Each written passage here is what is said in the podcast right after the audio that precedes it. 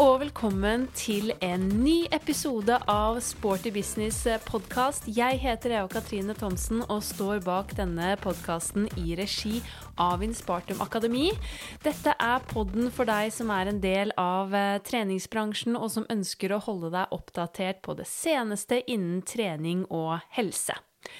Den siste uken så har jeg hatt eh, gleden av å arrangere Wingcamp på Mallorca i regi av Vingreiser, og Endelig, etter to år uten reiser, og for min del syv avlyste treningsreiser, så har det virkelig bare vært helt magisk å få lov til å være i gang igjen. Sammen med Sølve Sunddragen og Katarina Leopak så har jeg storkost meg sammen med en gjeng flotte deltakere, og har hatt gleden av å undervise både dans, yoga, zumamove under åpen himmel rett og slett helt ubeskrivelig, og nye minner for livet er eh, skapt. Så litt av en boost inn i eh, sommeren. Og nå har jeg også eh, beveget meg inn i litt etterlengtet ferie, og det skal også nytes.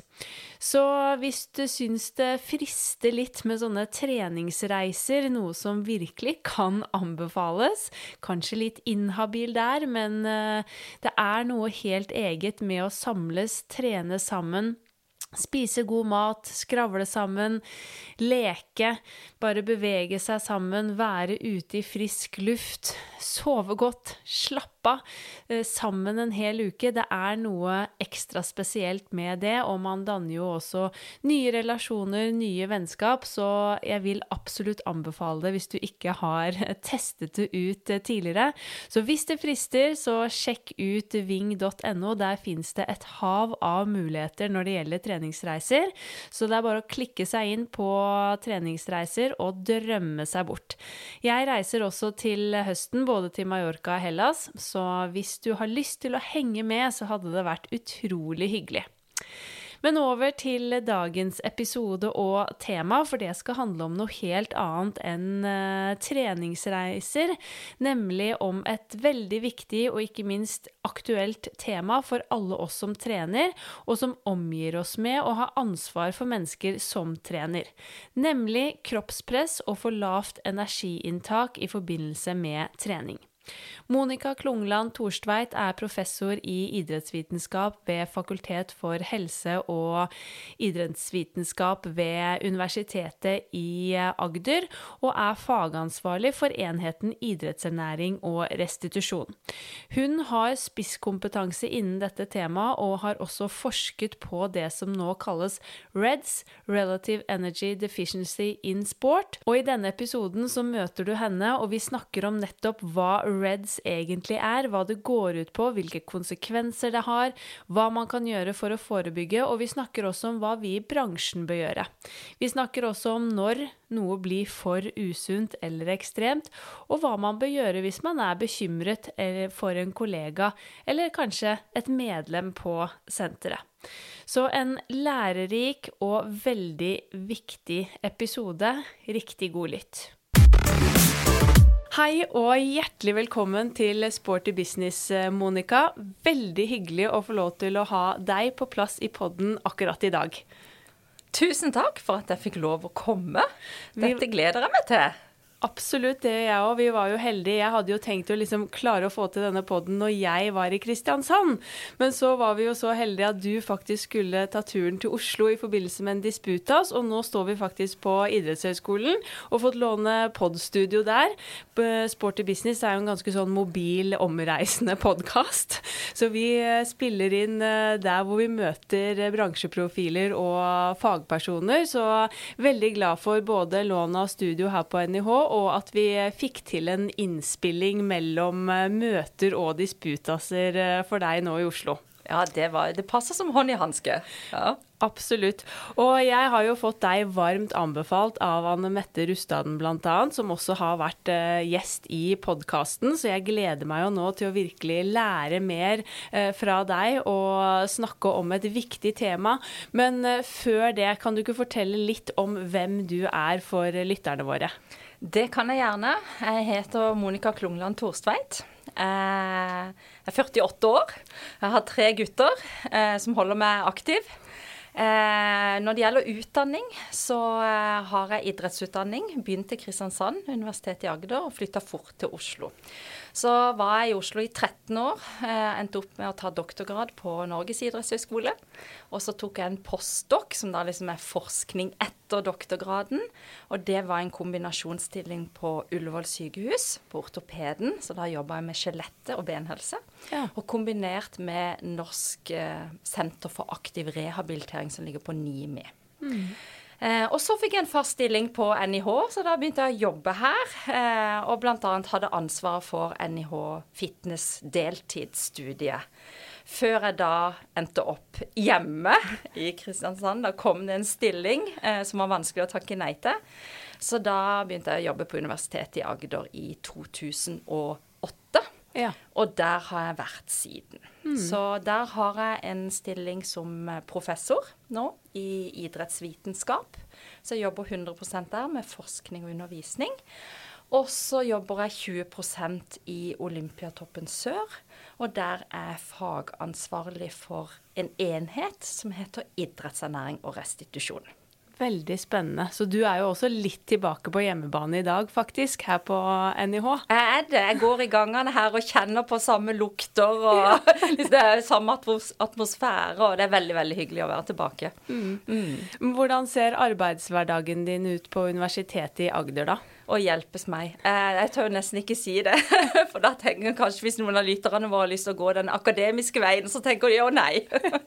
Nei, det er hektisk. Eh, men jeg jobber jo med noe jeg brenner for, så jobben er jo på mange måter også min hobby. Eh, men arbeidshverdagen er stort sett Jeg har mye tid foran PC. Sitter og jobber med forskning og forbereder undervisning. Så har jeg mye undervisning da, eh, for studentene, og det er både på grunnstudienivå og bachelor. Jeg er ansvarlig for emner på master, og så har jeg også undervisning og veiledning på ph.d.-nivå, altså på doktorgradsnivå. Mm. Eh, og så er det sånn at det, det, er ikke så mange kvinnelige professorer i idrettsvitenskap. Eh, og det er en del sånn komiteer som skal kjønnsbalanseres og litt forskjellig, så det er mye sånn mer administrativt arbeid også ja. eh, nå. Og så er det jo denne 20 %-stillinga i Olympiatoppen sør. Og der eh, jobber jeg jo med de beste utøverne i Agder. Så det er jo på Sørlandet. De, vi kaller det ofte dagens og morgendagens topputøvere. Ja. Så det er noen av de er unge, 16-17-åringer som går på toppidrettsgymnas f.eks. Eh, og noen deltar per i dag i VM eller OL. Mm. mm. Hva vil du si er det beste med jobben din, da?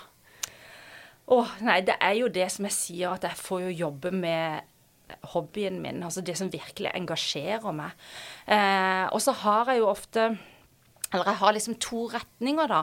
Så det ene er topputøvere og prestasjon, og virkelig utvikle eh, liksom det ypperste prestasjonsnivået. Det trigger meg veldig. Syns jeg er mm. kjempespennende. Og samtidig så er jeg også veldig interessert i dette med fysisk aktivitet og helse som ikke nødvendigvis eh, handler om topputøvere. Der jobber jeg nesten mer med baksiden av gullmedaljen, som vi sikkert skal snakke litt mer om. Mm. Eh, men også dette her sammenhengen mellom trening da, eh, og hvilke effekter kan ha for, på fysisk, psyki, nei, fysisk, psykisk og sosial helse. Mm. Eh, og der jeg jobber med barna, jobber med eldre, og så er det liksom hele sånn aldersspekteret der. Ja. Mm. Vi er jo en pod for uh, treningsbransjen. Hva vil, vil, du si er ditt forhold til treningsbransjen? Ja, eh, fra å være medlem i mange, mange, mange mange år, eh, så har jeg også jobba som instruktør før. Eh, og så har jeg um, vært ansvarlig, som jeg sa i stad, for NIH Fitness deltidsstudie. Mm. Så i jobben min så har jeg jobba ut mot treningssenterbransjen. Og når jeg da begynte på Universitetet i Agder, så fikk jeg med en gang ansvaret for studiene våre der nede, som handla om PT, og det var treningsveileder, og den gangen gruppetreningsveileder, som vi kalte det. Eh, så jeg har jo på en måte hatt en sånn fot innafor i systemet. Holdt mye foredrag også. Mm. Eh, for spesielt eh, instruktører og de som jobber der. og per i dag så trener jeg også på treningssenter. Ja. Hvordan syns, hva, hva syns du om jobben vi gjør da i treningsbransjen i dag? Og dere er jo en superviktig arena. Eh, og det er jo ofte sånn når vi eh, som forskere og undervisere snakker om ulike arenaer for å trene eller være fysisk aktiv, så er jo deres arena utrolig sentral. Så det er klart, Vi har jo organisert idrett på alle nivåer mm. som en veldig viktig arena. Men treningssenterbransjen, dere favner jo om så mange, så det har jo liksom en bredde som er helt unik. Mm. Eh, og jeg sa innledningsvis at jeg også har tre barn, da. Eh, og nå har jo liksom eldstemann slutta i all organisert idrett. Og så tenkte jeg hjelpes meg, hva skal det bli av han? Men nå har han funnet sin arena. Det er på treningssenter, og det er styrketrening. Og han opplever mestring, og har altså blomstra opp etter at han begynte på treningssenter. Så, så liksom jeg, jeg, jeg ser sånn på privaten også, hvilken utrolig viktig arena det er. Og jeg tror spesielt, hvis jeg bare kan si kort dette her om den aldersgruppa der. For vi vet jo at det er mange unge som faller fra organisert idrett, sånn type 14-15-16 år. Mm. Og hva skjer med de? Og det er sånn, jeg kjenner en sånn å, behov for å på en måte trø til der. For jeg tror det er fort gjort at de bare setter seg ned. Eller de sitter med De gamer eller et eller annet. Ja. Og der tror jeg treningssenterbransjen kan utgjøre en virkelig stor forskjell for mange av disse. Mm. Hvor de får et nytt sosialt miljø, og de får trent, og de opplever mestring og fremgang og alt dette som er superviktig for den aldersgruppa som lever i en hverdag med mye press og stress og mm. perfeksjonisme og alt dette. Ja. Virkelig. Det er veldig hyggelig å høre da godord om bransjen som vi er så glad i, men jeg er helt enig med deg at spesielt den måte, yngre generasjonen, da, der tror jeg det er et enormt mulighetsrom for treningsbransjen som vi heller ikke har utnyttet til det fulle per i dag. Det er jo noen sentre som har ungdomstimer eller forskjellige liksom, tilbud for de, eh, de, ungdommene, men veldig få har det. Og der tror jeg at uh, det er mange muligheter i fremtiden, så jeg håper at vi klarer å virkelig virkelig ta vare på den gruppen også, og få de inn på sentrene. Men hvordan oppsto din egen interesse for fysisk aktivitet og trening da? Har du alltid vært eh, aktiv selv? Jeg har nok det, ja. Eller jeg har nok det. Jeg har det. Punktum. eh, og, og, det er klart jeg hadde foreldre som var aktive og, og dro meg med. Eh, men dette har, dette har vært sånn eh, ja, motivasjon, genuint ønske om å, å, være aktiv. Så jeg har drevet med forskjellige typer idretter, da. Så alt fra selskapsdans ja. i eh, ung alder til håndball og langrenn. Eh, og så måtte jeg etter hvert velge, for det ble for mye. Eh, så da forsvant først dansen. Ja. eh, og så forsvant håndballen. Eh, og så fortsatte jeg med langrenn. Um, så, så, det har liksom vært idrettene jeg har drevet på med. Men når jeg slutta å konkurrere, så har jeg jo ja, vært aktiv hele tida. Og da ble det mer f.eks. på treningssenter. Eh, men også sånn mosjonist i eh, terrengløp og, og turløp på ski osv. Så, videre. mm. ja. så jeg har en, veldig treningsglede. Mm. Dine fagfelt eh, de omfatter jo en rekke ulike tema innen fysisk aktivitet og helse. Og når jeg har lest om deg på Universitetet i Agder, så er det jo en imponerende CV og eh, rekke publikasjoner. Men du, fagfeltene dine er jo da bl.a. spiseforstyrrelser, menstruasjonsforstyrrelser, beinhelse, stressfraktur, idrettsernæring samt restitusjon blant idrettsutøvere. Og så også det vi skal snakke litt ekstra ekstra om i dag, nemlig REDS, Relative Energy Deficiency in Sport. Eh, og det er jo det som jeg er litt sånn ekstra nysgjerrig på, og som vi skal dypdykke ned i dag. Eh, og for alle de som aldri har hørt dette uttrykket REDS, kan ikke du få begynne med å fortelle litt om hva er det det egentlig er, og hva står det for? Mm. Det vil jeg veldig gjerne gjøre. Og da har jeg lyst til å ta litt sånn historisk tilbake. For REDS-begrepet er ganske nytt. Det kom i 2014. Og i hvert fall innen forskning så er det egentlig fortsatt ganske nytt. Men før det, og helt tilbake når jeg tok min doktorgrad, og det er jo mange år siden nå, men eh, jeg disputerte i 2004. Og da forska jeg på det vi den gang kalte den kvinnelige utøvertriaden. Som da den gangen var sammenhengen med eh, for lite mat inn i forhold til forbruket, og vi kartla da spiseforstyrrelser. Sammenheng med tap av menstruasjon for jenter. Eh, og da sammenheng med tap av benmasse fra skjelettet. Så disse hadde skjøre skjelett. Og denne triaden av disse tre tilstandene utgjorde da the female athlete triad på engelsk. Og i mange år da så, så fikk vi jo stadig mer forskning på kvinner. Men så begynte vi å tenke Gjelder dette bare jentene, egentlig? Hva med guttene? De kan jo også oppleve en tilstand at de spiser for lite. Kanskje de utvikler spiseforstyrrelser. De har jo ikke menstruasjon, men det kan kanskje påvirke testosteronnivåene deres. Og hva da med skjelettet til mennene? Og så begynte man å snakke litt om liksom, kanskje the male athlete triad også er noe. Og parallelt med dette så fant man også ut at det å ha lav energitilgjengelighet, som vil si veldig enkelt at du rett og slett spiser og drikker. Du får i deg for lite kalorier i forhold til forbruket ditt. Eh, Så hvis du har en sånn tilstand, så går det ikke bare utover menstruasjonen for jentene, eller testosteronnivåene for guttene og skjelettet. Men det er mange andre prosesser i kroppen som også påvirkes negativt.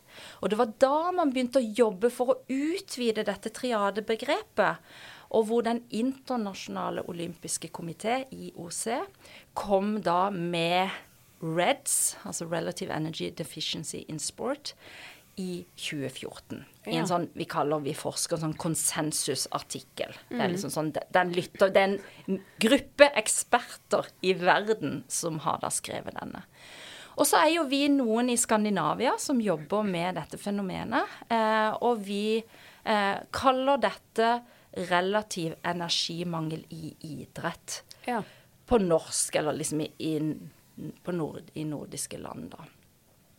Eh, og jeg kan fortelle mer om hva dette her er for noe, men jeg vil bare si at selv om vi snakker om idrett, in sport eller idrett, så viser det seg jo nå at det trenger jo overhodet ikke være organisert idrett. Nei. Så jeg tenker den bransjen som dere tilhører, er jo absolutt en arena hvor vi ser dette fenomenet, eller faktisk syndromet. Så det heter The Reds Syndrome. Og i det så ligger det jo også at det, det er ganske alvorlige saker. Ehm, og jeg kan jo kort dra gjennom hva det egentlig er. Eh, og den utløsende faktoren er nettopp dette med lav energitilgjengelighet. Altså at man får i seg for lite energi i forhold til forbruket. Og det betyr jo at man trenger faktisk ikke trene veldig mye for å få reds. Det er bare det at man, man spiser da for lite. Men mange selvfølgelig trener mye. Så den utløsende faktoren er lav energitilgjengelighet. Og så vet vi nå via forskning at det påvirker kroppen negativt. Annet menstruasjon. Og dette med at vi taper benmasse. Noe annet kan være at vi klarer ikke å bygge muskelmasse.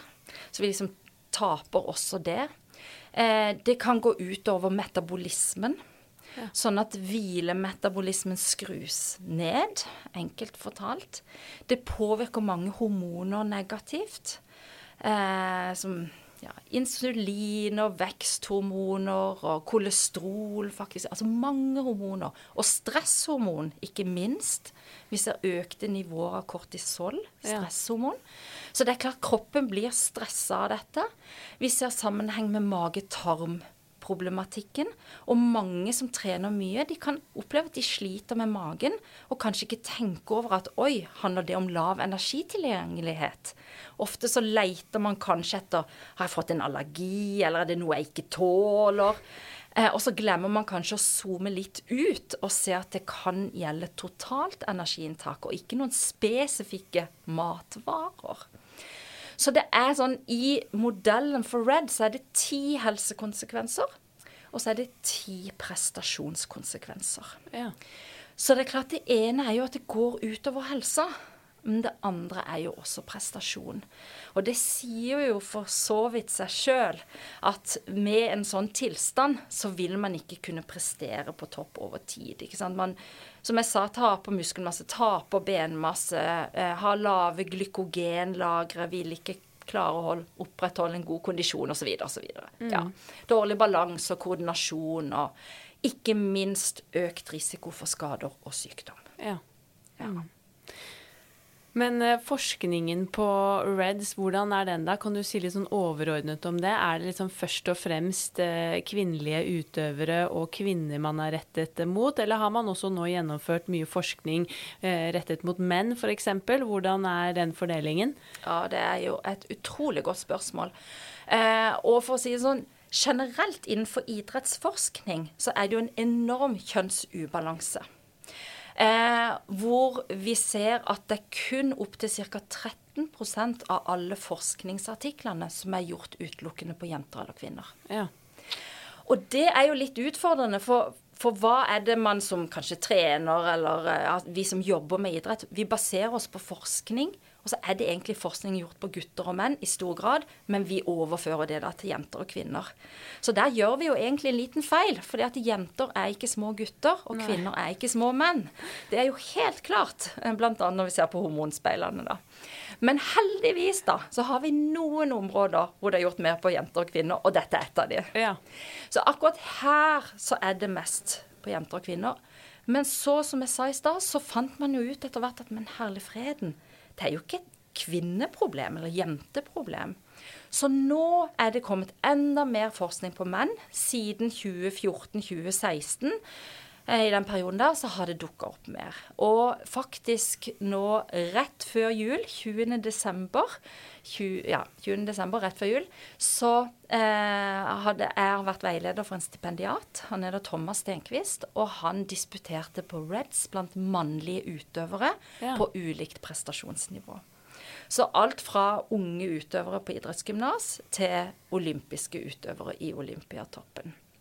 Så da har vi til og med en doktorgrad på menn og Reds. Spennende. Veldig spennende. Eh, det er klart vi ligger bakpå eh, i forhold til forskning eh, når det gjelder gutter, eh, sammenlignet med jenter. Men allikevel så kommer det mer nå. Eh, det ser ut som, selv om jeg ikke kan sette to streker under det svaret, at det er en større utfordring blant jentene, kvinnene. Mm, at forekomsten er høyere. Men innenfor enkelte idretter, også for menn, så er det en veldig stor utfordring. Et eksempel er f.eks. syklister. Ja. ja. Mm. Mm. Men hvor stort problem er dette generelt, eller i hvert fall også da blant kvinnelige utøvere, altså i selve idretten? Mm. Og det er utrolig vanskelig å svare på, egentlig. Og grunnen til det er at det er vanskelig å måle. Mm. Eh, så hvis man liksom skal måle hele RED-syndromet, så sa jeg jo nå for noen få minutter siden at vi har liksom ti helsekonsekvenser og ti prestasjonskonsekvenser. Og skal man da måle alle de sant, for å kartlegge eh, hele syndromet, så er det utrolig krevende og kostnads... Ja, det koster mye penger. Ja. Eh, så det er det jo eh, ingen som har gjort. Derfor så velger vi ofte ut noen variabler som vi måler på. Eller så har vi et screening-instrument, altså en kartleggingsinstrument, og det er selvrapportert på spørreskjema, som sier noe om risikoen for dette. Risikoen for lav energitilgjengelighet, egentlig. Og det er mye brukt, men det er jo selvrapportert. Mm. Så er det jo i tillegg noen som måler skjelettstyrken, eh, og tar blodprøver, eh, måler hvilemetabolisme. Så vi kan absolutt få svar på dette. Og tallene i litteraturen spriker jo da avhengig av hvilken idrett det er snakk om. Mm. Men vi ser at sånn som utholdenhetsidretter, eh, estetiske idretter, dans, turn f.eks., der er forekomsten høy, og det er oppe i sånn 60 ja. eh, kan det fort være. Samtidig så har vi noen studier som ser på ballidretter som fotball og volleyball, og så ser vi opp i 30% der også. Eh, og også vektklasseidretter, hvor man skal pine seg ned i en vektklasse. Så har vi også høye forekomster. Mm. Eh, det vi har lite tall på, det er jo den bransjen dere tilhører. Hva er forekomsten i treningssenterbransjen? Eh, og der vet jeg at det er noe pågående, mm. så det kommer til å komme. Eh, men der trenger vi mange flere tall. Ja. Eh, og, og, vi har også noe eh, som har sett på instruktører som antyder at det er en høy grad av kroppsmisnøye, som vi vet er en risikofaktor for dette.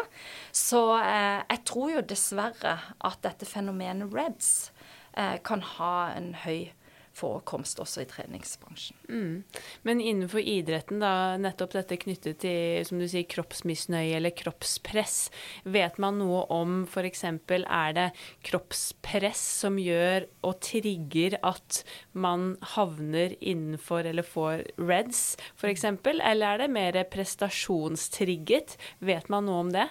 Det man vet, er at dette er multifaktorielt. Ja. Så det er utrolig individuelt, og det ser ut til å være mange sånn disponerende faktorer for dette, og at det er ulike innganger inn. Men det er jo noen risikofaktorer som vi ser, eh, eller som vi har målt, og forskninga viser at er, er tydeligere enn andre. Eh, og det ene er det du sier. liksom kroppsmisnøye, lav selvtillit, eh, ja, har ikke noe god tro på seg sjøl, eh, føler seg ikke bra nok, skal i hvert fall liksom, kontrollere noe, kontrollere kroppen, begynner mm. kanskje liksom, med en slags slankekur, da, eller skal noe ned i vekt eller ned i fettprosent. Eh, og så begynner man der og har full kontroll. Og så plutselig så har man ikke kontroll lenger. Noen utvikler forstyrra spiseatferd. Noen utvikler spiseforstyrrelser.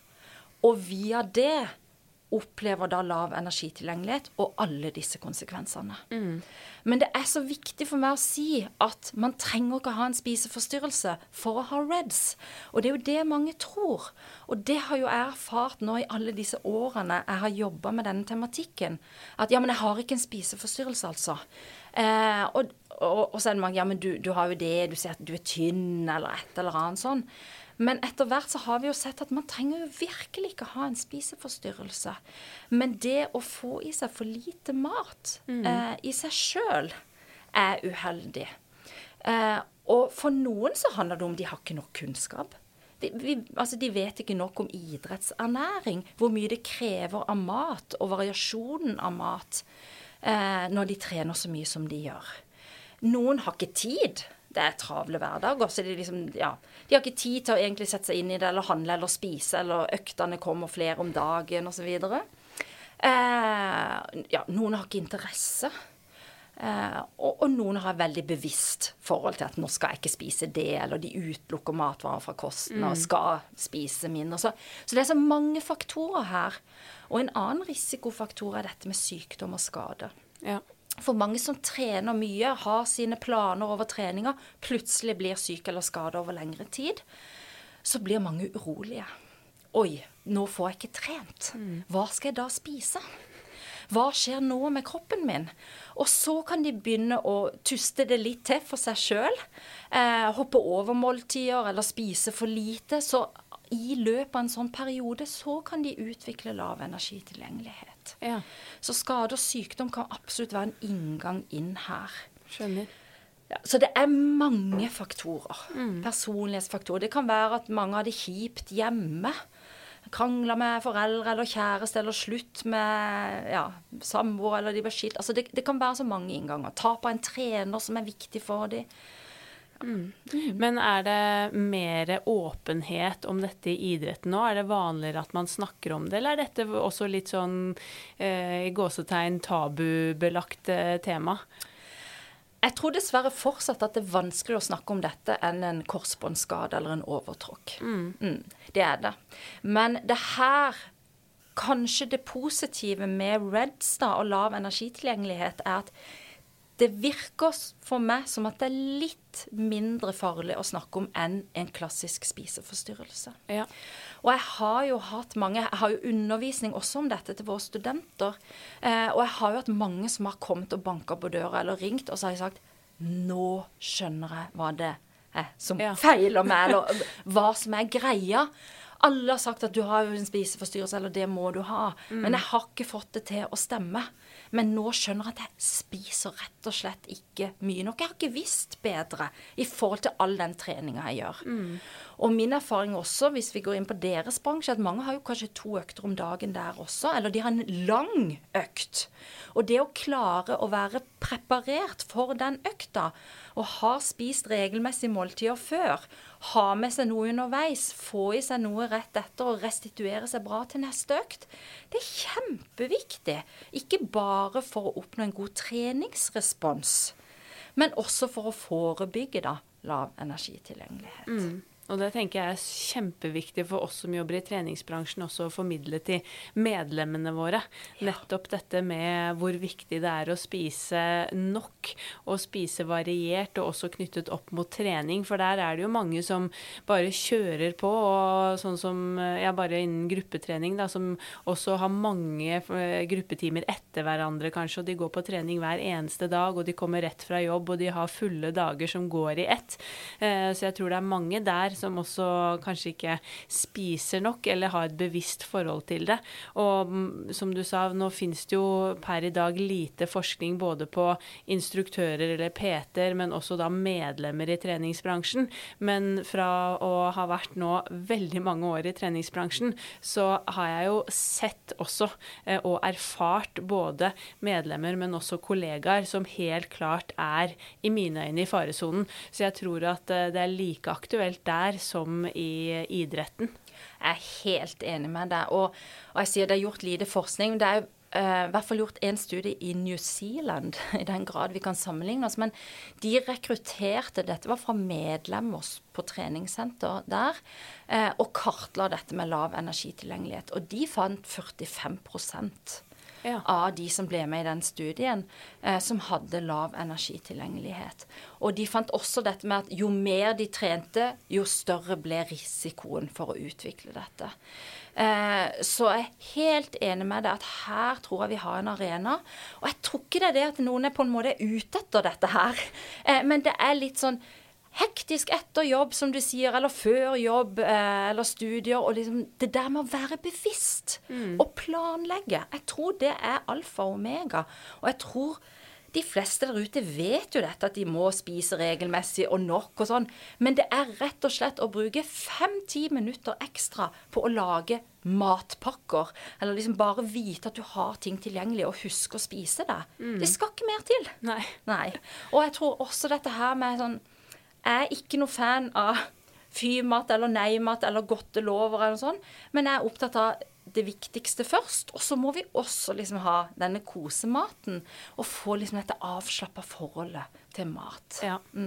Veldig viktig, for det er jo det er mye prat i sosiale medier og medier generelt om hva man bør gjøre og ikke bør gjøre. Og for mange år siden nå, eller det begynner jo å bli en del år siden, hvor liksom uh, 'strong is the new skinny' kom, og så har vi jo hatt hele denne trenden med liksom styrketrening, crossfit, og man skal liksom være så ripped og det er liksom eh, muskler og Det har jo vært ekstremt mye fokus på det i sosiale medier også, så jeg tror jo at det er jo mange som uh, føler på at man kanskje ikke spiser bra nok, eller man spiser for mye, eller man gjør ikke bra nok, man trener ikke uh, nok.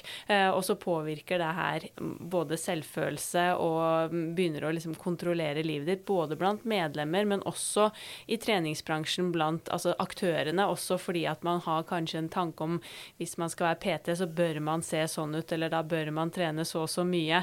Skal man være instruktør, så bør man også kanskje passe inn i en mal som man ser for seg. Og det tenker jeg er litt sånn risikofaktorer. Helt klart, så arenaen også i seg sjøl kan jo være på en måte en risikofaktor.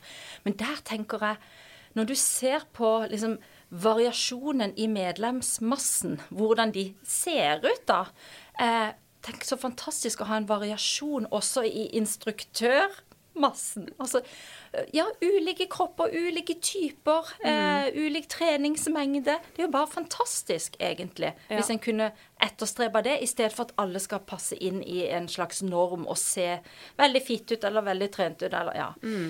Uh, mm. Ja, det tror jeg også er Eller det som skal til også hvis vi ønsker å få flere andre mennesker til å begynne å trene i treningsbransjen. Fordi det er vanskelig å identifisere seg med andre som er helt ulike deg, kanskje da med kroppsfasong og hvilket nivå man er på, så at man også kan få den eh, liksom Altså de, få inn de ulikhetene, den diversiteten blant personlige trenere og instruktører, tror jeg er kjempeviktig. Mm.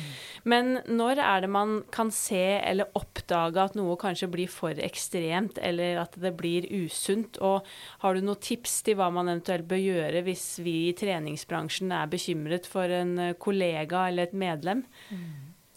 Ja, det er, jo, det er, jo, vanskelig nødvendigvis å se dette her, da. Eh, og det er klart, mange har jo tenkt ja, de veldig tynne, der har vi liksom eh, Da er det sikkert en spiseforstyrrelse, antageligvis anoreksi, som eh, ofte er prega av, av, denne ekstreme tynnheten. Men så vet vi at det er jo bare en bitte, bitte liten prosentandel av de som f.eks. har spiseforstyrrelser, når vi snakker om det. Mm. De aller fleste med spiseforstyrrelser er helt normalvektige. Noen er overvektige, noen er undervektige. Noen bitte få prosent er ekstremt undervektige. Ja. Men på de aller, aller fleste så kan vi ikke se det. Og det gjør det jo vanskelig i form av å oppdage det. Og det samme vil jo gjelde disse med lav energitilgjengelighet. For det er ikke nødvendigvis sånn at de er tynne går ned i vekt fordi at en av konsekvensene av dette er at forbrenninga skrus ned. Og da er kroppen sånn skrudd sammen at han tenker oi, jeg får ikke nok mat eller næring. Da må jeg iallfall liksom ha nok næring til hjertefunksjon og hjernefunksjon og de viktigste funksjonene i kroppen. Og så tenker han kanskje at da er ikke nok energi til menstruasjon for jentene, eller nok testosteronproduksjon for gutter. Har ikke nok energi til å bygge muskelmasse, har ikke nok energi til å bygge benmasse. Nå snakker jeg veldig enkelt, da, men det er mm. egentlig dette som skjer. Og da på en måte så, så går man ikke nødvendigvis ned i vekt. Kroppen sparer ja. veldig på den energien. Så det er jo ikke egentlig noe tegn å se etter. Og da går det mer på ja, Restituerer man seg? Har man overskudd? Eh, føler man seg bra? Har man god livskvalitet? Responderer man på trening? Så er det jo bra. Men mm. hvis man er sliten, eh, ikke responderer på trening, kommer hyppig på treningssenteret uten egentlig Trenger du å trene to-tre økter i dag, eh, om dagen, eller flere gruppetimer på rad? Hva er hensikten med treninga di? Eh, og ser at man er slitne. Vi har jo hatt selvfølgelig eksempler. De har besvimt på trening og sånn, og dette er jo absolutt noen signaler. Eh, men, men man kan etter hvert, hvis man er mye på senteret, så kan man nok observere noen som strever med dette. Mm. Mm. Men det er vanskelig. Eh, og så er jo spørsmålet hvordan henvende seg, da? Og jeg må bare si en ting til, for mange er jo ekstremt opptatt av trening og kosthold av disse. Så de stiller mye spørsmål. Mm. Så det kan også være en inngang. Hvis de stiller mye spørsmål, så begynner å stille litt spørsmål tilbake. Mer sånn, I stedet for å gi et fasesvar så er det sånn Hva tenker du, da? Mm. Hvordan pleier du å gjøre det? Hva spiser du før trening? Ja. Eh, og hvis man har et litt sånn ja, mer tillitsforhold, og hvis det gjelder jenter, så kan jeg spørre er det greit jeg stiller spørsmål om menstruasjonen din? Hvordan er den? Den regelmessig? For hvis ikke menstruasjonen er regelmessig for oss jenter når vi er i fertil alder og ikke ammer mm. eller er gravide, eh, så er det jo et tegn på at noe ikke er som det skal være. Mm. Det er klart, Noen går jo på hormonpreparater, eh, p-piller osv. Eh, og det, da får man jo en blødning. Eller hvis noen går på hormonspiral, så kanskje ikke de har blødning, da. men da har de jo tilskudd av hormonene. Men hvis man ikke bruker disse preparatene og mister menstruasjonen, eller den blir uregelmessig, da er det noe som ikke fungerer. Mm. Så det er jo et sånn symptom da for oss jenter.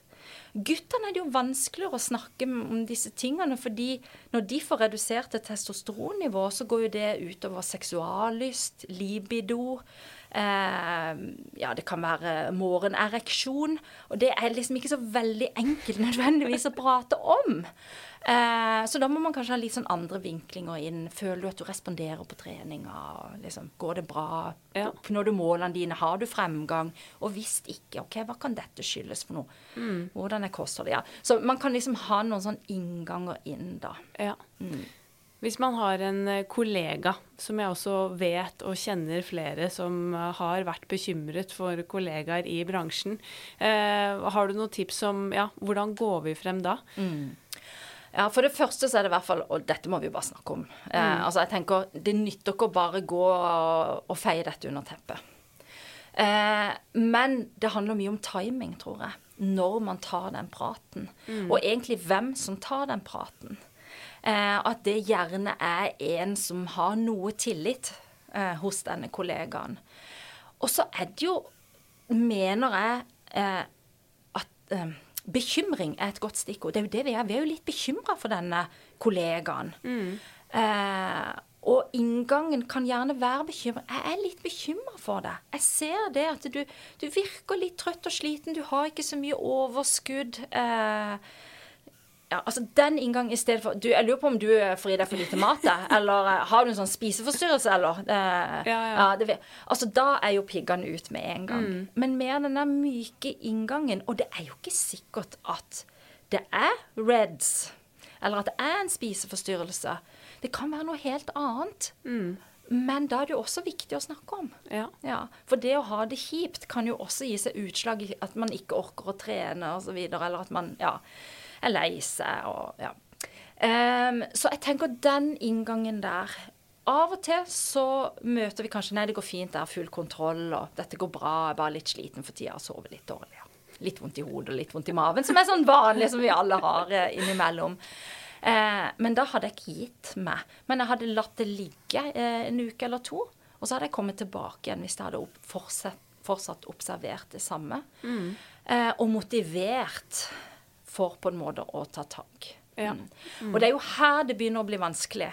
Fordi at hvis dette er en klinisk spiseforstyrrelse, så er det få eh, ansatte i treningsbransjen som har kompetanse til å hjelpe. Så da må det på en måte via fastlege og inn i psykiatrien. Eh, er det en forstyrra spiseatferd som er på en måte litt sånn steget før dette, så har vi kanskje muligheten til å eh, snakke om det. Eh, og hvis det er bare Nå ser, ser ikke våre lyttere at jeg har sånn gåsetegn, da, men hvis det bare er lav energitilgjengelighet At det bare at de har for lite kunnskap om ernæring, og de har ikke tid, og de har ikke tenkt over det, så er det kanskje enda lettere å snakke om ernæring eh, og få veiledning på det og gjøre noen justeringer i kostholdet. Og det er ikke sikkert det skal så mye til. Nei. Men vi må jo tenke her at det er to faktorer. Det ene er jo å regulere treninga. Og det andre er å regulere kostholdet. Og begge to kan reguleres for å oppnå på en måte energibalansen. Ja. Noen er ikke villig til å gjøre noe med treninga. Og bare for å gjøre dette enda mer komplekst, så ser vi jo også en sammenheng med treningsavhengighet her. Ja. Og det er det helt sånn sist innen forskninga. Vi har akkurat, jeg tror nesten var i går, eh, det kom en artikkel på trykk fra, fra min gruppe nede på Universitetet i Agder, hvor vi har sett på treningsavhengighet og lav energitilgjengelighet. Ja. Og det gjør det jo enda mer komplisert hvis man er treningsavhengig og så utvikler en lav energitilgjengelighet. Ja. Men da er jo rigiditeten ofte knytta til treninga, og at man da lettere kan justere kostholdsdelen av det. Skjønner. For det er klart, det er jo ikke nødvendigvis farlig å trene mye. Tenk på topputøverne våre, hvor mye de trener og tåler dette. Men de har jo gått denne utviklingstrappa i mange, mange, mange år. De sover godt, de spiser godt, de hviler mye. Så liksom restitusjonen er de jo kjempegode på. Det jeg har erfart gjennom årene, at det er mange andre som nesten trener som topputøvere. Ikke minst i treningsbransjen. Enorme treningsdoser. Men de er ikke så gode på restitusjonen. Nei. Jeg skulle akkurat da- til å si det, Ja. at de trener som toppidrettsutøvere, men så har de full jobb og familie Yes. kanskje, eller andre ting, eller skole, studier, og det går i ett resten av, av dagen, og de har ikke tid til å da faktisk bare restituere, hvile, spise godt, og så liksom være klar til neste treningsøkt igjen. Nei, nettopp. Og derfor igjen så tror jeg liksom at det er en arena her som vi, vi må rope litt ut, altså. Litt sånn varsko. Eh, fordi at dette tror jeg ikke kommer til å, å reduseres i omfang hvis ikke folk der ute blir kjent med dette fenomenet. Og jeg har, har bare lyst til å si for eh, Hvis vi tenker på helsekonsekvensene her, eh, så er min erfaring at det er mange som ikke rett og slett bryr seg så veldig om det. Tenker, ja, ja, ikke sant. For eksempel det med skjelettet. Ja, ja, det går sikkert bra. Ja. Eh, og da har jeg lyst til å fortelle en historie når jeg tok doktorgraden min på Norges idrettshøgskole. Og jeg undersøkte den kvinnelige utøvertriaden blant alle kvinnelige landslagsutøvere i Norge i alle idretter. Det var det jeg gjorde den gangen. Og da hadde jeg en utøver som kom inn. Eh, hun eh, drev med løping. Hun hadde tatt situps, og så brakk ribbeinet. Oi. Og så tenkte hun sånn, ja, det var jo kanskje ikke helt normalt. Eh, og så kom hun inn på kontoret mitt, og vi hadde en prat. Og da målte vi skjelettet hos sitt, liksom styrken i skjelettet. Og hun hadde skjelett på lik linje som ei 75 år gammel dame. Ja. Så det var veldig skjørt. Hun hadde benskjørhet, osteoporose. Og hun måtte da slutte med idretten sin. Eh, og det er klart, dette er et ekstremt tilfelle, men hun er virkelig ikke alene. Og vi har også nå mannlige utøvere hvor vi ser det samme. Og det som er litt skummelt med skjelettet, at det er litt sånn det glemte vevet på et vis. For muskulaturen har vi et annet forhold til. Det er sånn, jeg føler meg sterk, du kan se muskulaturen din. Mens skjelettet kjenner vi jo ikke. Det er ikke sånn at jeg står opp om morgenen og tenker yes, og ja, jeg har så sterkt skjelett. Så det er liksom ikke før kanskje skadene begynner å komme, sånn tretthetsbrudd eller stressfrakturer, eh, som kommer, som man kanskje får hjelp for da. Så går man til fysioterapeut, og så er det liksom avlastning, og så er det opptrening, og så er man i gang igjen. Og så er det kanskje mange som ikke spør OK, hvorfor utvikler denne personen en stressfraktur da? Eh, så kan mange tenke det er sikkert for mye ensidig trening. Men hva med kostholdet? Hva med hormonproduksjonen? Hva med alt dette med restitusjon? Eh, så skjelettet, det er utrolig viktig for meg å formidle at det må vi ta vare på. Og den viktigste perioden hvor vi bygger mest ben, legger mest ben i banken, det er i vekstspurten. Ja. Ikke sant? Så da er vi sånn 11-13 års alder for jenter og 13-15 års alder for gutter. Da er det ca. en fjerdedel av all benmasse. Det legges liksom i banken i løpet av de årene. Ja. Og så bygger vi fortsatt noe fram til et eller annet sted i 20-årene. Og så er det på mange vis over. Men da, det, det er slutt. Men, men da liksom da stagnerer den bygginga. Men da må vi bevare skjelettet.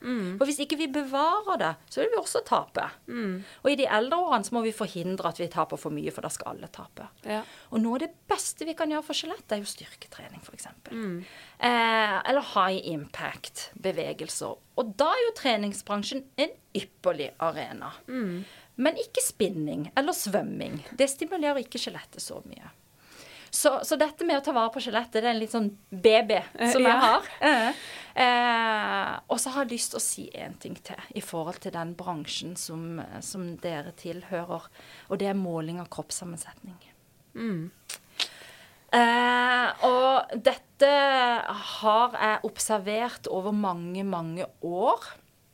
Eh, Jeg har ikke noe forskning bak det, men det er at mange har kommet til meg, ringt til meg, sendt mailer og er fortvila.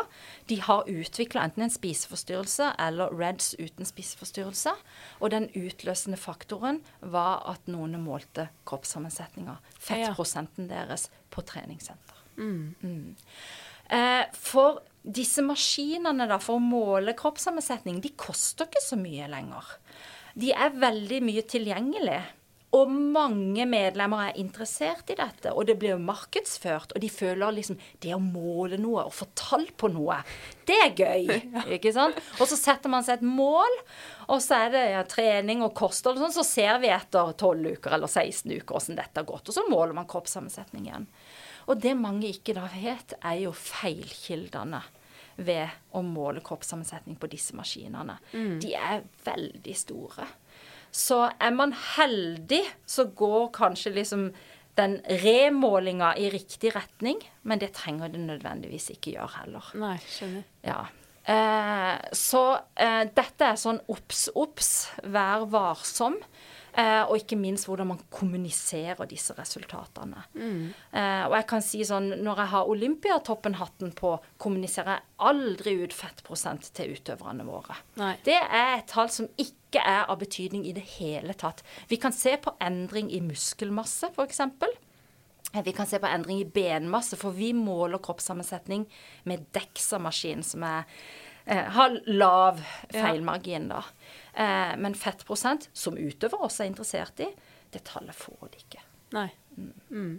Nei, dette tenker jeg er utrolig viktig for alle i eh, treningsbransjen, og spesielt alle som jobber som personlige trenere, for de kan jo virkelig være med å bidra og hjelpe hvis noen også har utviklet REDS, eh, og kan hjelpe da med tilrettelagt trening, og da kanskje de også har Mange personlige trenere har jo også en ernæringsbakgrunn, eller man har ernæringsveiledere eller fysiologer på senteret, hvor man kan koble inn eh, de og hjelpe med da et tilrettelagt eh, kostholdsplan. Så dette tenker jeg er superrelevant, og at man, som du sier, da, eh, tenker litt utenfor boksen. At man ikke bare justerer trening, eller ja, men da må det være stress i hverdagen, eller noe annet som spiller inn fordi at du enten er sliten, får mye skader, ikke føler deg uthvilt, ikke får fremgang, men at man faktisk kanskje begynner å se litt mer på de eh, ja, symptomene for REDS. For eh, når vi snakker om det, så tenker jeg jo altså bare for meg selv i perioder hvor man bare glemmer og spiser, trener masse. Eh, når jeg jobbet på Elixia for eh, mange, mange år siden, det var vel sånn rundt eh, 2013-2014, så husker jeg hadde så mye vondter og plager, og det var det ene og det andre. Eh, og da ble jeg sendt til eh, eh, ernæringsfysiolog v- via da behandleren min.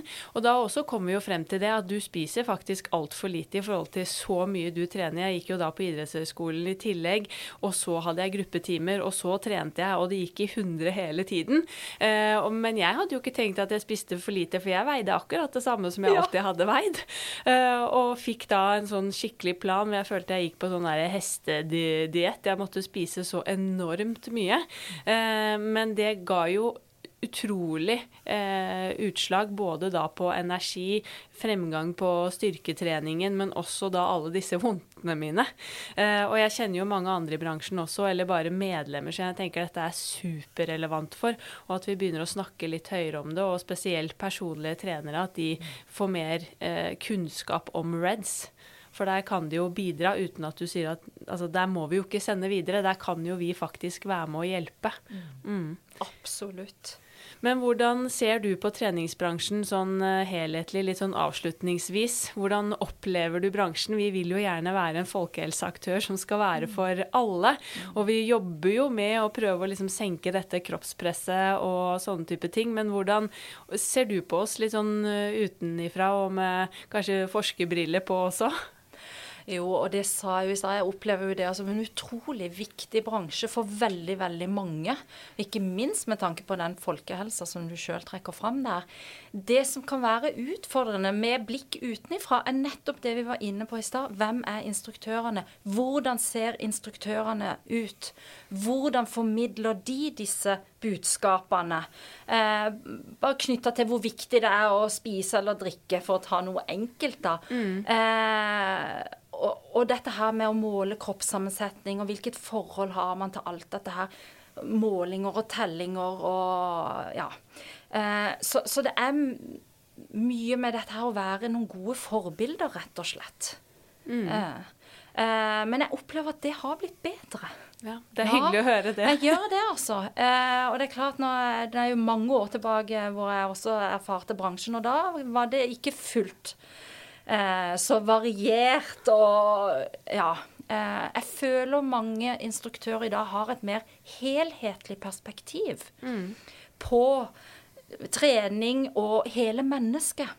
Dette medlemmet som man skal hjelpe, som PT f.eks., å se hele mennesket. Og det er jo krevende i dag å være en PT. Du skal jo omtrent være ja, du skal være treningsfysiolog, og du skal være psykolog, og du skal være pedagog, og du skal være ernæringsveileder, og, ikke sant? Ja, ja. og kanskje fysioterapeut også i forhold til skader. Så man skal kunne så mangt. Men jeg tror det er viktig også å erkjenne dette kan jeg, men dette her er jeg ikke fullt så god på.